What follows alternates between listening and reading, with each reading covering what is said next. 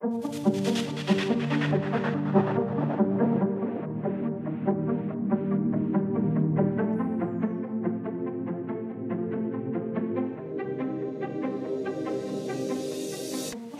du som lyssnar. Det här är Professorpodden där jag, Karin Gyllenklev, träffar Högskolan Västs nyaste professorer. Och nu har jag sällskap i studion av professor Alastair Henry. Hej! Hej. Hur är läget idag? Det är bra. Ja? På en skala från 1 till 10? Ja, man får säga nio. Det är nio jätte- och en halv Ja, kanske. Ja. starkt. Ja, det är bra. Jag skulle säga att jag är en sjua. Din forskning, om vi ska gå rakt på den, handlar om språkinlärningsmotivation. Varför intresserar det dig? Jag tror det handlar om kanske min egen erfarenhet av att kämpa och lära sig ett annat språk. Eh, men även i min ungdom när jag var ju outbildad uh, språklärare i Japan. Jag märkte väldigt tidigt eh, i min lilla karriär där att jag skulle lyckas väldigt bra om jag kunde hitta områden och ämnen som mina elever var intresserade av. Ja. Um, så jag visste att om de var motiverade, mitt jobb skulle vara bättre, jag skulle kanske få fler elever, jag skulle bli mer framgångsrik och sånt. Ja. Så det, det är kanske där, och som sagt min egen um, kamp med det svenska språket. Ja. Ja. Men språklärare i Japan, Ja, precis. vad lärde du ut för språk där? Ja, men det var det engelska. Ja. precis. Och i den tiden, nu när vi går tillbaka till 80-talet, då kunde man i princip dyka upp i Japan ehm, och ehm, ha engelska som, som, som infödd och då skulle man lätt kunna få jobb Jaha. som språklärare. Och det gjorde jag. Gud vad spännande. Ja. Jag vet att en sak som du har tittat på är motivationen hos svenska elever Ja. att lära sig engelska i, i skolan. Ja.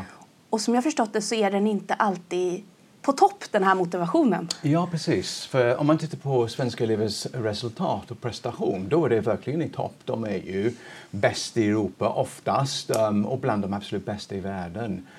Um, så de är jätteduktiga. Um, men många av dem uh, kan komma till undervisningen med en ganska negativ inställning, eller åtminstone en inställning där man uppfattar engelska är ju en ganska liksom lugn um, ämne. Ja. Uh, man behöver inte anstränga sig för mycket. Man kan kanske spara kraft för andra ämnen som matematik eller naturvetenskap. Man softar lite. Man softar, man chillar lite. Ja. Um, och man gör det med ju liksom en, en känsla att "Nej, men jag kommer lyckas ändå. Ja. Att jag är ju rätt duktig på engelska. Jag lär mig mycket engelska i, i mina sociala aktiviteter utanför skolan. Jag lär mig mycket genom att surfa på nätet, spela dataspel och, och liknande. Och det har de rätt i, för, Ja. för man gör det. Problemet är ju att uh, man kan ibland överskatta sina förmågor. Så man kan bli väldigt, väldigt duktig när det gäller i, i vissa domän, till exempel det, sociala. Ja. Uh, men när det gäller till mer formella um, användning för språket, till exempel skriva uppsats och liknande, då är man kanske inte så jättebra. ja. Men problemet för språklärare eller engelsklärare är ju att du har ju en skara elever som dyker upp till engelska med inställningen att nu ska jag chilla lite. Ja. Um, och det kan sprida sig i, i gruppen. Och då har man en, en, en ganska krävande uppgift att liksom motivera de här eleverna som känner att Nej, jag, jag är rätt trygg i min engelska ändå. Ja, det känns ju inte jättekul att som lärare ha en, en hel klass med... det, är en, det är en ganska utmaning. För, för jag brukar säga till mina um, studenter här som ska bli uh, blivande engelsklärare, det är en fantastisk ämne för man har ju stort frihet att kunna jobba med områden som är jätteintressant, meningsfullt för unga människor. Um, så det är en fantastisk ämne. Men om man misslyckas med den, om man inte lyckas att nå eleverna, då kan det vara en ganska jobbig um, arbetsplats, en engelska klassrum. Ja. Om du har ju en grupp individer som är rätt duktiga och inte ser att du har någonting um, kanske lockande för dem, meningsfullt för dem. Ja. Um, Men eh, ni fick pengar från Vetenskapsrådet Ja, för att titta precis. närmare på det här. Mm. Och eh, bland annat så följde ni lärare som jobbade lite mer innovativt ja, precis. precis. med sin undervisning. Ja, precis. Ungefär tror jag det var 2011 um, Skolinspektionen gjorde en kvalitetsgranskning av engelska i årskurserna 69. Och de kom fram till att det var ju stora problem um, och de identifierade vad de kallade för två olika kulturer där engelska möts. Ja. En i skolan i klassrum och en utanför. Um, och man inser att det är viktigt att försöka, som lärare försöka brygga över mellan de två olika uh, områden där engelska möts. Mm. Så vi var intresserade av lärare som hade en sån praktik, en praktik när man försöker överbrygga glappet mellan de två olika typerna av engelska. Få fritidsengelskan att närma ja, men, sig skolengelskan? Ja, men exakt. Att, att kunna göra kopplingar mellan de två ja. för att kunna göra skolengelska meningsfullt, relevant och, och lockande. Mm. Så vi gjorde en, um, um, vi skickade ut ett stort enkät, elektroniskt enkät till 250 lärare i, i, i Västsverige. Um, och um, utifrån den enkät kunde vi identifiera en 16-tal som hade en praktik som hade spår av den här ju överbryggande. Ah. Um, och uh, då helt enkelt bad vi om vi skulle kunna komma och se vad de gjorde. Och vi ah. tillbringade ungefär tre veckor hos varje lärare um, och observera vad de gjorde i klassrummet. Prata med dem, prata med deras elever, titta på hur de lagt upp lektioner och liknande. Ja. Och eleverna var då mer motiverade? Hos, alltså... alltså, vi mätte inte motivation. Det var inte så att vi hade enkäter när vi mätte deras motivation efter varje lektion. Men vi kunde se att de hade en engagemang mm. i undervisningen. Vi kunde se att de var ju engagerade, de tyckte det var roligt, de var upptagna med sina studier. Ja, och då vill man ju veta vad fick de göra för någonting? Ja, men vad var knepen? Ja, men precis. Men oftast de här lärarna, för det första, och, och, det var någonting som slog oss direkt, de var extremt duktiga på att skapa relationer. Ja. Och i språkundervisningen, det är viktigt med relationerna. För man lär sig språk genom att använda den. Mm. Så om jag ska bli duktig på ett språk, jag måste kunna, kunna kommunicera med andra. Och läraren är en av de absolut viktigaste eh, samtalspartner. Ja. Så om vi ska kommunicera bra, då måste vi ha en bra relation. Och de här lärarna var extremt duktiga på det. Mm. Um, de såg eleverna, de, de, kände dem som individer och de gav dem utrymme för att uttrycka sig själv, sin intresse, sin identitet och liknande. Mm. Um, så det var det, det kanske den, den, den första sak vi, vi kunde se. Men sen utöver detta, de var rätt duktiga på att ge eleverna möjligheten att använda kreativiteten, uppgifter som krävde en slags skapande insats. Mm. De använde EKT på ett mycket smart sätt, inte sofistikerade program men vardagliga... EKT? Uh, ICT, uh, Information and Communication Technology. Ja. Teknologi. ja. Smartphones. Internet, internet smartphones, that kind of stuff. Sorry, I yeah. a word I don't understand. oh, yeah, okay, yeah, yeah. So, so, so you know, the, the kind of like the sort of programs that you would have on, on a smartphone, they were kind of using them in really innovative ways. Oh. So they were getting students to produce role plays, make videos, um, create blogs, that type of thing, and they were using not just the computers in the school but also their smartphones. Ah, okay. But uh, I know that you are, uh, you are färdigställer en bok Ja, men precis. Eh, sprungen ur det här projektet. Ja. Uh, so does it have like uh, tips for uh, teachers? Well, exactly. What we did was we didn't. We could have produced probably a kind of cookbook type thing. This is what you do to create a, a, good classroom environment. This is what you do to create motivational activities. But what we actually did was decide to kind of use the really good examples that we'd seen during our, these many many weeks in classrooms and present them, but also with a kind of like a, a theoretical analysis. Yeah. So the idea was to kind of not sort of to sort of for us as researchers to tell teachers what to do, but to give examples of like really really good practice that they could mm. learn from, and also perhaps you know not not copy or replicate, but um, be able to understand why it was successful. Ah. Yeah, what it was that kind of like engaged the kids. Jag tänker att vi ska eh, ha ett litet segment där de som lyssnar kanske får lära känna dig lite mer Aha, okay. på ett personligt mm, ja, plan. det går bra. Känns det okej? Okay? Känns helt okej. Okay. ja. eh, och det går egentligen ut på att du avslutar mina meningar. Okej. Ja. Eh, så då börjar jag. Mm. Om jag var tvungen att byta jobb så skulle jag? Uh, gå tillbaka till mitt tidigare yrke. Vad var det? Jag var jurist. Jurist? Ja. Okej, okay. jobba mm. med lag och ordning? Lag och ordning, fast jag jobbade med familjerätt. Okay. Så jag oftast jobbade med äh, problemlösning, ja. kanske man kan säga. Okej. Okay. Mm. Mitt favoritspråk är? Det är nog franska, fast jag är jättedålig på det. Varför är det favorit? Ja, jag tycker det är en fantastiskt språk. Um, och om jag skulle någon gång ha tid framöver i, i mitt liv att liksom tillägna sig ett, ett tredje språk då, då, skulle jag gärna lära mig franska. Det är franska? Mm. Ja, men det är ganska, det, det är lite um, romantiskt, ja, lite så sådär oh. Ja, det låter så fint. Det ja. säger alla och, och, och, det är sant. um, visionen om ett enda språk som alla på hela jorden skulle kunna prata är... Helt skrämmande. Är det? Det skulle vara förskräckligt. Du skulle inte ha något jobb då? Eller? Jo, absolut. jo, jag forskar kring flerspråkighet så jag, jag skulle bli väldigt eftertraktad. Ja. Nej, det skulle vara det värsta som skulle kunna hända. Varför? Ja, för att eh, vi behöver mångfald i, Mm. i många uh, liksom, uh, avseenden. Och Mm. en språklig mångfald är lika viktig som ekologisk mångfald. Ja. Men visst vore det ändå underbart om alla kunde kommunicera med alla? Jo, fast man kan göra det på olika sätt Ja. ehm, och med olika hjälpmedel. Men jag tycker att språket är ju så invävt i vår identitet. Mm. Så om, vi in, om alla tal- talade samma språk, det skulle vara så om liksom att alla skulle använda samma kläder eller köra samma bil. Det skulle Ja. bli jättetråkigt. Ja, ja men jag håller med dig på, på den punkten. Faktiskt. Men det skulle också, jag, jag tänker att om jag skulle ha en superkraft Mm. då skulle jag vilja kunna prata och förstå alla språk i hela jag världen. med. Du jag med? Skulle, Ja. absolut. Absolut. Det är ju bättre än att flyga. Ja, ja, Alltså, bättre än att bli Ja, jag, osynlig. jag känner mig jätte liksom, små eftersom jag, jag går på konferenser rätt ofta med folk som forskar kring flerspråkighet och de kan liksom fyra, fem, sex språk. Det är liksom helt normalt och jag kan två. Ja. Och det, jag känner mig så liksom um, begränsad. Ja. Ja, men det, eh, eh, ja, men då kanske vi vet svaret på sista frågan. Här, eller om jag vann 10 miljoner på Lotto skulle jag... Ja, då skulle jag sticka till Frankrike och, och liksom ta tag i min franska. Ja, Ja. lära ännu ett språk. Ja, jag liksom utveckla den på en nivå som var liksom hyggligt. Ja.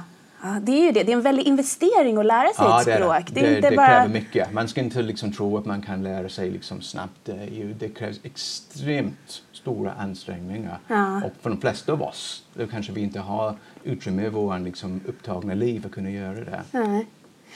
Eh, vi ska tillbaka till, eh, till din forskning. Ja, Och, eh, vi ska prata mer om, om engelska. Det är ju Ja. toppen att det språket finns. Men som jag förstått det så kan det också ställa till det lite när det kommer till motivationen att lära sig ännu ett språk. Säg franska eller spanska. Ja, men- det här har du också tittat på. absolut. Det var egentligen det som jag, jag började min um, forskarbana för ett, uh, vad var det, tio år sedan.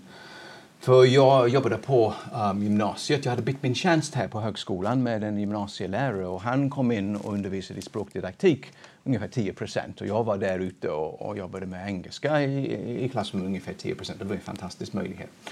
Och när jag var där jag insåg att visst, engelska lärare har ett visst problem eftersom det finns så mycket engelska utanför skolan. Det påverkar inställningen i klassrummet.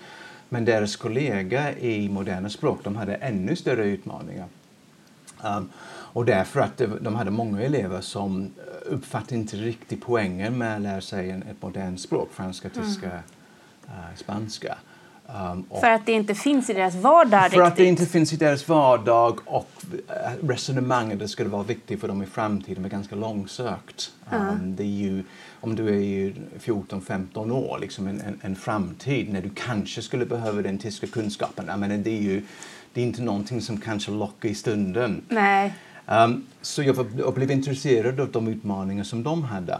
Um, och det som jag kunde se var ju den inställningen att engelska räcka, engelska fungerar överallt, Ja. hade en, en, en ganska negativ effekt. Um, Okej. och det som jag gjorde i min forskning var att titta på, inte på en makronivå, liksom inte på attityderna och inställningen, men liksom hur i när man, man jobbar med språk, när man jobbar med, med franska, hur känslan av att ja, men jag är bättre på engelska, jag skulle kunna göra det mycket lättare på engelska, hur, hur det påverkar. Ja. Och liksom för att, att, att förenkla saker, um, när man lär sig ett, ett språk man oftast använder hela sin språkliga repertoar. Så om jag lär mig franska till exempel, Ja. då har jag faktiskt ganska stor hjälp av svenska och engelska.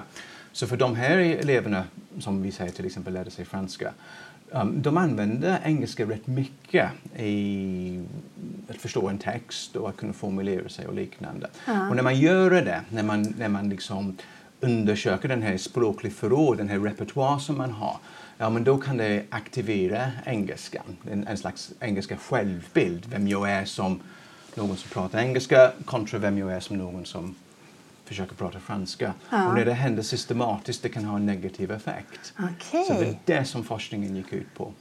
Men eh, kom du på eller kunde du lista ut hur lärare ska göra för att motivera elever då som kanske känner att så här, nej men, engelska räcker eller det, jag ser inte riktigt en framtid där jag pratar Nej, men precis. Det är, franska. det är, det är svårt, absolut. Men en, en sak som jag skulle vilja säga, det är ungefär det som vi, vi pratade om tidigare, att att kunna prata flera språk, det är någonting speciellt. Det är ju faktiskt inte alla som kan franska utöver svenska och engelska. Um, och uh, om man väljer att göra det, det då blir det ja, kanske blir något, något som är lite speciell. Um, och också att idag är flerspråkighet, det är ju liksom normen. Det är ju liksom, du är begränsad om du är ju monolingual, alltså som, som många, Enspråkig. Ja, enspråkig till exempel. Ja, många av mina landsmän till exempel är ju enspråkig Ja. och fångar den, den där enspråkighet. Men även att vara tvåspråkig i en svensk sammanhang, jag menar, det, är ju, det, det kan alla. Um, men att kunna vara flerspråkig, det öppnar dörrar. Ja. Det ju, ger man möjligheten att skapa en annan identitet Ja. som, en, som en global människa. Um, så det tror jag är ju någonting som lärare skulle kunna jobba med och det har vi också forskat på och tittat på påverkan av känslan att vara flerspråkig och önskan att vara flerspråkig, en global människa, en global global citizen och hur det kan påverka motivationen att lära sig ett modernt språk. Och då har vi hittat um, stöd för att det har en påverkan. Um, och jag tror om lärarna jobbar lika mycket med den som att jag någon dag kommer kunna vara fransktalande, det kan ha effekt. Ja. Men jag tycker att ju mer jag lär mig, eh, alltså engelska och eh, lite spanska och sådär, desto mer påverkar det hur jag vill uttrycka mig i vardagen. För ibland vill jag prata engelska istället, eller det kommer engelska uttryck till mig. Och nu när vi har pratat har ju du också Ja. switchat lite Precis. mellan språk.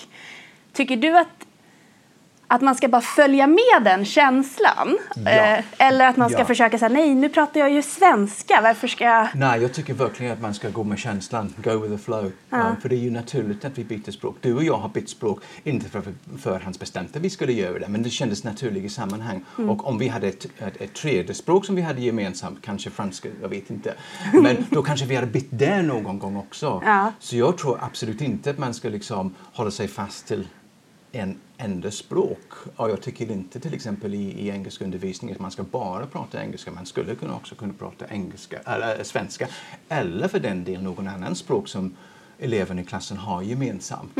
Till exempel arabiska, eller persiska eller somaliska. Det skulle man kunna göra. Um, Utnyttja sin repertoar. Ja, men exakt så. Exakt så. Um, och, jag, och likväl tycker jag inte i fransk undervisning att man ska uh, för, ens försöka att prata enbart span, uh, franska. Man skulle också kunna utnyttja det hela språkliga repertoar. Det, det är coolt att code-switcha. Mm. Ja, eller hur? och, ja, precis. Yeah. Ja, och det känns också att det är lite mer avspänt. Mm. Avslappnat om man vet att man kan göra det, det är legitimt och okej att tillåtet. göra det och gå tillbaka till något annat språk. Ja.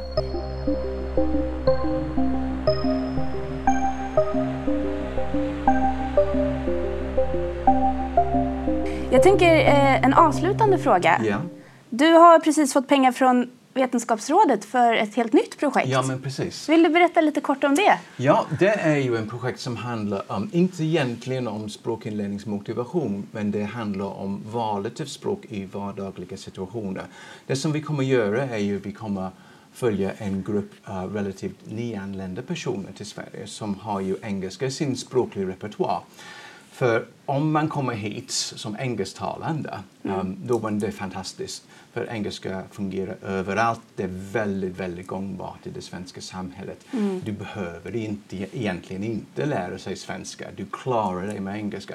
Samtidigt som alla forskning visar att språket är nyckel till integrering, det är nyckel till att etablera sig på arbetsmarknad, det är nyckel till social integration. Um, och vi är intresserade av hur uh, att kunna engelska påverka interaktion i socialt sammanhang. För det är ju oftast faktiskt att man tillägnar sig språket inte enbart i en formell sammanhang i en, i en klassrum men också i, liksom, i vardaglig interaktion. Och för många personer det är de som är, är, är kanske den absolut viktigaste. Men om man pratar engelska då behöver man inte anstränga sig att, att använda svenska. För varje gång man tar tillfälle att använder sig av svenska, man lär sig också. Man, man bygger upp sin språkliga kunskap. Så vi är intresserade av hur engelska påverkar de olika faktorer som gör att i vissa sammanhang personer väljer att prata svenska och i andra sammanhang de väljer engelska. Ja. Vi ska göra longitudinell studie och vi försöker se över tid um, hur, de här, hur, hur det ändrar sig och vad det är för, liksom, som, som påverkar de olika val de här personerna gör. Okej. Men vi har inte börjat än. Nej, men det är, det är på G. Den är på G. Pengar finns. Ja. Pengar finns. Eller från och med januari, pengar finns. Ja. Precis. Men vad härligt. Alistair, eh, tusen tack Ja, tack själv. för det här samtalet. Ja, tack.